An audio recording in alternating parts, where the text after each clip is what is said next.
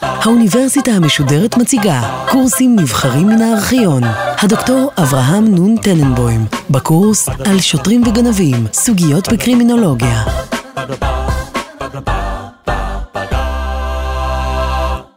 כדי להבין את החידוש שבעבירות צווארון לבן, צריך להכיר את הרקע המדעי הקודם.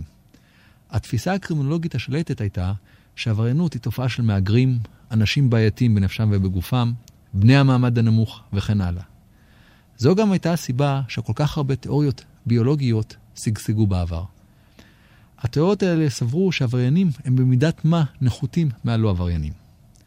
באקלים מחשבתי שכזה, התפיסה שעבריינות יכולה להיות משהו שיעשה על ידי אנשים מכובדים כלל לא נתפסה. המחשבה שמלח הארץ במרכאות יכול לעבור על החוק לא נראתה הגיונית.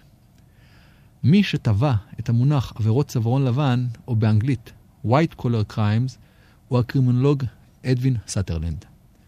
הוא עשה את זה לראשונה בשנת 1939, בהרצאה מפורסמת שהוא נתן לאגודת הסוציולוגים האמריקאית. בהרצאה הוא תקף את המומחים שסברו שפשע הוא תוצאה של עוני או של פסיכולוגיה בעייתית. הביקורת שלו הייתה בעיקר על כך שהתיאוריות עד ימיו לא הכלילו את עבירות הצווארון הלבן בתיאוריה הקרימינולוגית בכללותה. אגב, הביטוי צווארון לבן נובע ממבנה החולצות דאז. באותה תקופה לא היה קל לכבס כמו היום, ולכן את הצווארונים ואת דשי השרוול היה אפשר להוריד ולהחליף באופן עצמאי. לאנשי המעמד הגבוה היו חולצות לבנות, לכל הפחות היו להם צווארונים לבנים, מכאן השתרש הביטוי עד ימינו אנו. ההגדרה של עבריינות הצווארון הלבן היא קשה. היא נתונה במחלוקת עד היום הזה ממש. סאטרלנד הגדיר עבירת צווארון לבן, ציטוט, עבירה שנעשית על ידי אדם מכובד, בעל מעמד חברתי גבוה, תוך כדי עיסוקו. הדגש היה לכן על שתי נקודות. ראשית, מעמדו החברתי הגבוה של העבריין, ושנית, העבירה היא חלק מעיסוקו המכובד. ניתן דוגמה, מנהל חברה גדולה שנאשם ברצח אשתו, או עורך דין שנאשם בגניבה מהסופרמרקט, אינם עברייני צווארון לבן. לא מספיק שהעבריין הוא מכובד, צריך שהעבירה תעשה תוך כדי עיסוקו המכובד. במשך השנים היו מחלוקות לגבי ההגדרה, בעיקר בגלל שיש פה ערבוב של תכונות בין תכונות העבריין לבין תכונות העבירה. היו כאלה שרצו לקבוע הגדרה שמבוססת על סעיפי החוק בלבד. ה-FBI למשל נתן הגדרה מרחיבה, ציטוט, עבירות צווארון לבן הן עבירות לא אלימות שנעשות תוך כדי הפרה של אמון. התובע הכללי בארצות הברית נתן הגדרה קצת שונה, עבירת צווארון לבן היא כל פעולה לא חוקית שמשתמשת ברמאות ולא באיום פיזי כדי להשיג כסף, רכוש או טובת הנאה. הסיבה העיקרית להרחבת ההגדרות היא טכנית. קשה למדוד את העבירות של העשירים והחזקים. לא ברור בכלל מיהו עשיר ומיהו חזק. אבל אם מדובר על עבירות על סעיפי חוק ספציפיים, קל למדוד זאת. הבעיה היא שההגדרה הרחבה כוללת בתוכה כל מיני עבריינים קטנים. כאלה שהם בוודאי לא עשירים וחזקים. למשל, כל עבירה שנעשית על ידי נתמך סעד כדי להגדיל את הקצבה נחשבת לעבירת צווארון לבן. כל מי שמזייף צ'ק על סכום נמוך הופך להיות עבריין צווארון לבן. כל קופאי בסופרמרקט שגונב מהקופה של המעביד הופך להיות עבריין צווארון לבן. ההגדרה המרחיבה, למרות שיש בה נוחות, היא מאבדת את עיקר כל מה שרצינו לומר. היא מאבדת את הדגש על החזקים והעשירים. מצד שני, יש בה נוחות מסוימת. לכן נתייחס אליה מפעם לפעם בתור ההגדרה הרחבה. חלוקה חשובה אחרת, שאליה כן נתייחס, היא בתוך עבריינות הצווארון הלבן. חלוקה בין פשעים אישיים מקצועיים ובין פשעים ארגוניים. פשעים אישיים מקצועיים הם מעשיו של אדם בעל מקצוע של אמון, כגון פקיד בנק, עורך דין, רואה חשבון, מפקח בריאות וכן הלאה. פקיד הבנק מועל בכספים, עורך הדין גונב סכומים מלקוחות, רואה חשבון מרמה בספרים, מפקח הבריאות לוקח שוחד וכן הלאה. אבל בדרך כלל הוא עושה זאת בלי ידיעת הממונים עליו. העבירה פוגעת בקורבנות שונים, אבל ברוב המקרים היא פוגעת גם במעביד של העבריין עצמו. מנהל בנק שמועל מזיק גם ללקוחות וגם לבנק. לעומת זאת, יש מה שנקרא פשעים ארגוניים. אנחנו מתכוונים למקרה שבו הארגון כולו, או כל הנהלת החברה, משתפים פעולה במהלך בלתי חוקי. דוגמאות לא חסרות. חברה יכולה לייצר בתנאי עבודה גרועים, לזהם את הסביבה, לשחק במחיר המניות וכן הלאה. אבל מדובר במקרים שבהם המבצעים בפועל עשו זאת לטובת המוסדות ולא לטובת עצמם. זהו סוג פשע שבדרך כלל הציבור לא יודע ממנו. ישנה טענה נוספת שקשה להתעלם ממנה וגם היא קשורה להגדרת צווארון לבן. הטענה היא שבכוחן של הקבוצות החזקות באוכלוסייה למנוע חקיקת חוקים שיפגעו בהן. יתרה מזו, הן יכולות להשפיע על ידי לובי חזק על חקיקת חוקים פליליים שיעזרו להן. למשל, הדגש שהוא שם לאחרונה על פגיעה בזכויות היוצרים מיוחס בעיקר ללחץ של החברות הגדולות. אין טעם להתווכח על ההגדרה. נדגיש רק שכשאנחנו מדברים על פשעי צווארון לבן, אנחנו מתכוונים לפשעים שמבצע המעמד הגבוה והמכובד. אותו חלק שבדרך כלל אנחנו סבורים שהוא לא עובר עבירות בכלל. השאלה השנייה שנתייחס אליה היא המחיר של עבירות הצווארון הלבן. ככלל, אין ספק שעבירות צווארון לבן הן יקרות להחריד. לדעת רוב החוקרים, הן גורמות נזק כלכלי גדול הרבה יותר מכל העבירות הפליליות האחרות גם יחד. אבל צריך להדגיש שאין מספרים מדויקים. בשנת 1985 נטען שהנזקים השנתיים הם 200 מיליארד דולר. במחירי 1985 כמובן. אבל מה שברור הוא שבמקרים שנתפסו, הנזקים המוכחים הם עצומים. לפעמים מעבר לכל דמיון. כדי לתת דוגמה, ננתח שערורייה מפורסמת אחת בארצות הברית, שנקראה Saving and Loans, או בעברית חיסכון והלוואה. הסקנדל התגלה בסוף שנות ה-80, ואז התברר שהנזק המשוער הוא כנראה 500 מיליארד דולר. הסכום הוא כה גדול שקשה לתפוס אותו בהתחלה. ההשערה היא שכ-70-80% מנזק זה נובע מפעולות פליליות. השאלה היא, איך ייתכן שהפסדים ונזקים יגיעו לכאלו סכומים מבלי שמישהו ישים לב לכך? ואנחנו נסביר בקצרה את מה שאירע. בארצות הברית היו קיימים מעין מוסדות בנקאיים שתפקידם היה מוגדר, לתת משכנתאות לאנשים שמעוניינים לקנות בתים פרטיים. הא ותו לא. הלוואה למשכנתה היא הלוואה לא מסוכנת יחסית, משום שהבית מהווה בטוחה להלוואה. אבל המוסד לא יכול להציע ריבית גבוהה מדי, משום שהרווחים הם רק על ההלוואות למשכנתאות. יתרה מזו, על מנת לעודד אנשים לקנות בתים פרטיים, ממשלת ארצות הברית הייתה ערבה לכספים שהושקעו במוסדות הללו. בגלל הערבות הממשלתית וההשקעות המוגבלות, המוסדות הללו נחשבו לסולידיים וללא סיכון. בשנות ה-80 בארצות הברית שלטה גישת השוק החופשי. העיקרון היה אי התערבות ממשלתית. הממשלה הפדרלית הגמישה את הכללים ואפשרה למוסדות הלוואה וחיסכון להשקיע גם בפרויקטים נוספים. בעיקר פרויקטים של נדל"ן, פיתוח עירוני וכו'. עוד שינוי היה, בנקים כידוע הם מוסדות שמרניים. יש תנאים לא קלים למי שרוצה להיות בעלים של בנק. אבל במקרה הזה התנאים הוגמשו, ובאופן מעשי כמעט כל אחד יכל להיות בעלים של מוסד להלוואה וחיסכון. יתרה מזו, המוסדות הללו קיבלו אישור לגייס משקיעים מכל מרחבי ארצות הברית ולהתחרות עם בנקים רגילים. חלקם התחילו להציע ריביות מעל ומעבר להיגיון. המשקיעים באו כמובן בהמוניהם. בין השאר, משום שממשלת ארצות הברית הייתה ערבה לכסף, והמשקיע לא יכל להפסיד בשום אופן. היקף התופעה עדיין לא ברור עד היום. בין השאר, משום שרק אחרי שנים צצות הלוואות שאף אחד לא יכול לפרוע. ההנחה היא אבל שקרוב ל-1,700 מוסדות מסוג זה עומדים לפני קריסה. הבדיקה העלתה שבדרך כלל הם הסתבכו בהתנהגות פלילית משלושה סוגים, לפעמים כל הסוגים ביחד. ההתנהגות הפלילית הראשונה הייתה נתינת הלוואות לפרויקטים מפוקפקים, בניגוד לכל התקנות ולכל החוקים.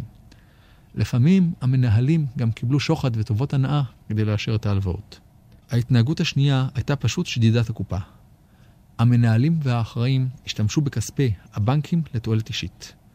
הם מימנו נסיעות לחו"ל, קנו מכוניות מפוארות, מטוסים פרטיים, שכרו דירות וכן הלאה. הכל על חשבון הציבור. ההתנהגות השלישית הייתה רמאות מכוונת וברורה. בדרך כלל, היא גם זו שעלתה את הסכומים הגדולים ביותר. כמה קושרים היו מתאגדים יחד. אחד מהם היה קונה קרקע במחיר זול, ואחר כך מוכר אותה במחיר מופקע למוסד הלוואה וחיסכון, או לוקח משכנתה לא ריאלית. ברווח כולם התחלקו. דוגמאות לכך לא חסרות. במקרה אחד קנה מישהו קרקע ב-700 אלף דולר באופן אישי. אחר כך הוא השתלט על מוסד הלוואה וחיסכון, ומכר למוסד את הקרקע ב-55 מיליון דולר. את העודף הוא שלשל כמובן לכיסו. לפעמים התאגדו שני מוסדות כאלה והלוו במרכאות אחד לשני סכומים גדולים, כשהיה ברור לשני הצדדים שאין כל אפשרות להחזיר. בספרים אבל נרשם שישנה הלוואה, ולא ניתן היה בקלות לגלות את המרמה. כדי להדגים את עוצמת הנזק, כדאי אולי להשוות לנזק מעבירות של פשיעה רגילה. הנזק המוערך מכלל עבירות הפריצה בארצות הברית הוא בין 7 מיליארד וחצי ל-9 מיליארד דולר לשנה. במקרה שלפנינו מדובר על 500 מיליארד דולר. דהיינו, הנזק שנגרם לציבור הוא כמו הנזק שנגרם מכל הפריצות גם יחד, בכל ארצות הברית, ב-55 השנה האחרונות. וזוהי רק פרשה מפורסמת אחת. חישובים דומים ניתן לעשות גם בישראל, ולא רק בארצות הברית. ניקח לדוגמת הפרשה המכונה פרשת הבנקאים. מדובר על תופעה בה הבנקים ויסתו את מניותיהם, ושמרו על ערך גבוה ולא ריאלי של המניות. הפרשה התפוצצה בשנת 1983, כאשר רבים ביקשו למכור את המניות ולא היו קונים. בסופו של דבר נסגרה הבורסה, ומדינת ישראל לקחה על עצמה את האחריות הפיננסית. בין הנפגעים היו אנשים קשי יום, שאיבדו את פרי עמלם של עשרות שנים. הנזק שנגרם עקב פעולות אלו גדול פי שניים מהנזק שנגרם עקב גנבת כלי רכב בישראל בכל 11 השנים האחרונות גם יחד. החישוב הכספי פשוט.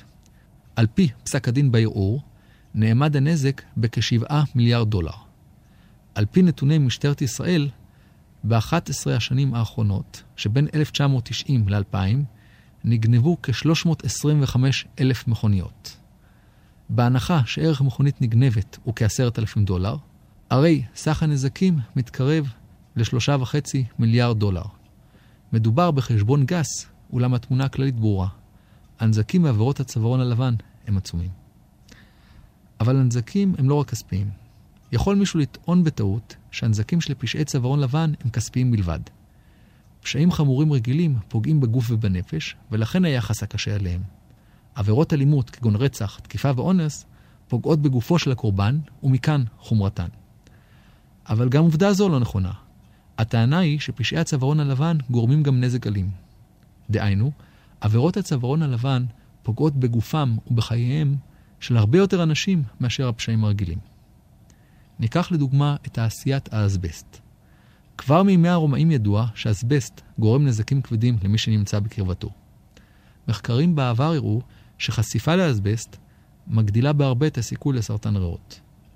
לפי מספר דעות, חשיפה לאזבסט תגרום בארצות הברית כ-100 אלף מיטות מסרטן ריאות, 35 אלף מקרי מוות מסוגים אחרים של סרטן, ועוד 35 אלף מיטות מסיבוכים הקשורים לאזבסט.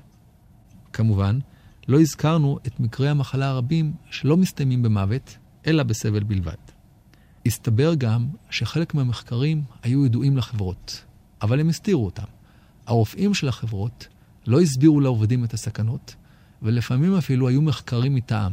דהיינו, מחקרים שכל מטרתם הייתה להוכיח שהאסבסט לא מזיק, למרות שכולם ידעו שהוא מזיק. למרות כל אלה, ולמרות כל הידע, עד היום לא ידוע אפילו על אדם אחד שהואשם בעבירות שקשורות לאסבסט. האמת היא שרוב הציבור אפילו לא מודע לסכנה. דוגמת האסבסט היא רק דוגמה אחת. ישנן הרבה מאוד תאונות במקומות העבודה שנובעות מהפרות בולטות של חוקים. הנזקים הם עצומים. צריך לזכור שנזק פיזי הוא הרבה יותר יקר מכל נזק לרכוש. למרות זאת, רוב הציבור אפילו לא מודע לכך. יתרה מזאת, המספרים לא מופיעים בשום סטטיסטיקה רשמית. ישנו מחקר של חוקר אמריקאי בשם ריימן, שמתייחס למספר מקרי הרצח בארצות הברית. ריימן הציג את הסטטיסטיקה הרשמית של מספר הנרצחים. המספר המקובל הוא לערך 20 אלף איש לשנה. אבל ריימן טען שהמספרים לא נכונים. המספר היה צריך להיות 20 אלף מקרי רצח מקובלים, ועוד כ-50 אלף מקרי רצח של עובדים. זאת אומרת, עובדים שמתים בגלל מחלות ותנאים מסוכנים במקומות העבודה. בדרך כלל מדובר במקומות עבודה שמפרים את תנאי הבטיחות המינימליים. פשעים מסוג זה מבוצעים על ידי תאגידים. אנחנו קראנו להם קודם פשעים ארגוניים. אבל אותם פשעים ארגוניים שנעשים על ידי תאגידים וגופים גדולים, בדרך כלל לא מגיעים לידיעת הציבור. בין השאר, אולי בגלל ההשפעה של גופים אלו. ניתן דוגמה מפורסמת אחת. בשנת 1991 התרחשה שרפה במפעל בשר בצפון קרוליינה. בשרפה נהרגו 25 עובדים. בבדיקה שנערכה אחריה הסתבר שהמפעל לא עמד בדרישות ובתקן של מכבי אש. אבל יתרה מזו, היו דלתות לשעת חירום. אלא שההנהלה ביקשה למנוע גנבות על ידי העובדים, והדלתות היו נעולות בשעת השרפה. מה דינה של הנהלה כזאת? האם אי אפשר להאשים גם אותה ברצח? האם אין זו עבירת אלימות? אגב, במקרה הזה דעת הקהל כעסה מאוד על בעל המפעל, הוא הורשע בעבירות של הריגה ונידון למאסר של 19 שנה. המסקנה מכל מה שהצגנו עד עתה היא שעבירות הצווארון הלבן הן מאוד נפוצות. יש רבים שטוענים שהן נפוצות הרבה יותר מאשר פשעים רגילים, או מה שאנחנו קוראים לו פשעים. אגב, בארצות הברית גם השתמטות ממס הכנסה נחשבת כפשע צווארון לבן. אם נחשב גם פשעים כאלה בישראל, אז בוודאי ובוודאי שעבירות צווארון לבן הן נפוצות ביותר. עד עכשיו דיברנו על עבירות צווארון לבן בכללותן. נשאלת השאלה, מהן הסיבות לעבירות מסוג זה? אחד המחקרים המעניינים ביותר הוא מחקרו של דונלד קרייסי על מועלים. המחקר שיצא בצורת ספר other people money, או בעברית, כסף של אנשים אחרים. השאלה פשוטה, איך קורה שאדם בעל משרה של אמון מועל פתאום באמון שניתן לו? וצריך להבין, זה אדם שכבר הוכיח את עצמו בעבר, אחרת הוא לא היה מקבל את המשרה של אמון. וזה גם לא מדברים בדרך כלל על מישהו עני, אלא על מישהו שמקבל משכורת מכובדת. איך המועל מסביר את זה לעצמו? מסתבר שהמועלים מצדיקים את זה בשכנוע עצמי שמדובר רק בהלוואה, במרכאות. כמעט כל המועלים הסתבכו בכספים. חלק זה היה על רקע הימורים או השקעות לא נכונות, אבל רובם פשוט חיו ברמת חיים מעבר ליכולתם. בשלב מסוים הם הסתבכו בחובות ורצו לפתור את הבעיה. התירוץ הנפוץ ביותר לעצמם היה שהם לא גונבים. הם רק לווים את הכסף לזמן קצר ויחזירו אותו ברגע שהם רק יוכלו. כמובן שהם לא הצליחו להחזיר אותו, ובסופו של דבר הפרשה התפוצצה. המוהלים הם דוגמה למה שקראנו לו פשעים אישיים מקצועיים. בדרך כלל אנשים עוברים עבירות כאלו משום שהם רוצים את הכסף. כדי להצדיק את מצפונם, הם מוצאים הצדקה בתירוצים אלו או אחרים. כשמדובר על פשעים ארגוניים, הסיבות הן אחרות. מסתבר שבחלק מהארגונים לפחות, ישנה מעין תרבות שההצלחה חשובה יותר מאשר הכללים. באופן רשמי כמובן, כולם צריכים לשמור על הכללים. אבל אם מישהו מצליח, ההנהלה לא חוקרת יותר מדי לבדוק אם הכללים נשמרו או לא. ברור שארגונים מסוג זה, שיש להם תרבות ארגון שמדגישה את ההצלחה ופחות את הדרך להצלחה, יהיו מעורבים יותר בפשעים ארגוניים. נשאלת השאלה, מה יכולה החברה לעשות? בראש ובראשונה, צריכה להיות מודעות להיקף הבעיה. יש מלומדים שסבורים שעבריינות הצווארון הלבן היא אחת הבעיות החברתיות הקשות ביותר כיום, הרבה יותר מפשיעה רגילה. סביר להניח שאם הציבור יתייחס אליה כזו, יש סיכוי להילחם בתופעה. מבחינת הענישה, הרי אין ספק שהענישה צריכה להיות קשה ומחמירה. במספר שיחות דנו בגישה הקלאסית, והסברנו שהיא טוענת שמדובר בעבריין רציונלי שמחשב רווח והפסד. הבעיה היא שזה לא נכון לגבי רוב העבריינים הרגילים. בעיקר בעבירות אלימות, הסיבות להן הן יותר אמוציונליות ולא כל כך חישובים של רווח והפסד. אבל זה לא נכון לגבי עברייני הצווארון הלבן. שם כמעט תמיד השיקולים הם ברורים של רווח והפסד. דווקא עברייני צווארון לבן ניתן להרתיע ביתר קלות. אם כבר יש צורך להחמיר בענישה, הדרך היא בעברייני הצווארון הלבן. הגיעה העת לסכם את השיחה. כשאומרים פשע, רוב האנשים חושבים על פשע אלים ואקראי, שוד, רצח, התפרצות וכן הלאה. אלא שכפי הנראה, דווקא עבירות הצווארון הלבן מזיקות יותר לחברה. הן מבחינה כלכלית והן מבחינה חברתית. המסקנה היא שאם צריך להפנות משאבים ללחימה בפשע, רצוי לעשות זאת דווקא למלחמה בעבירות הצווארון הלבן.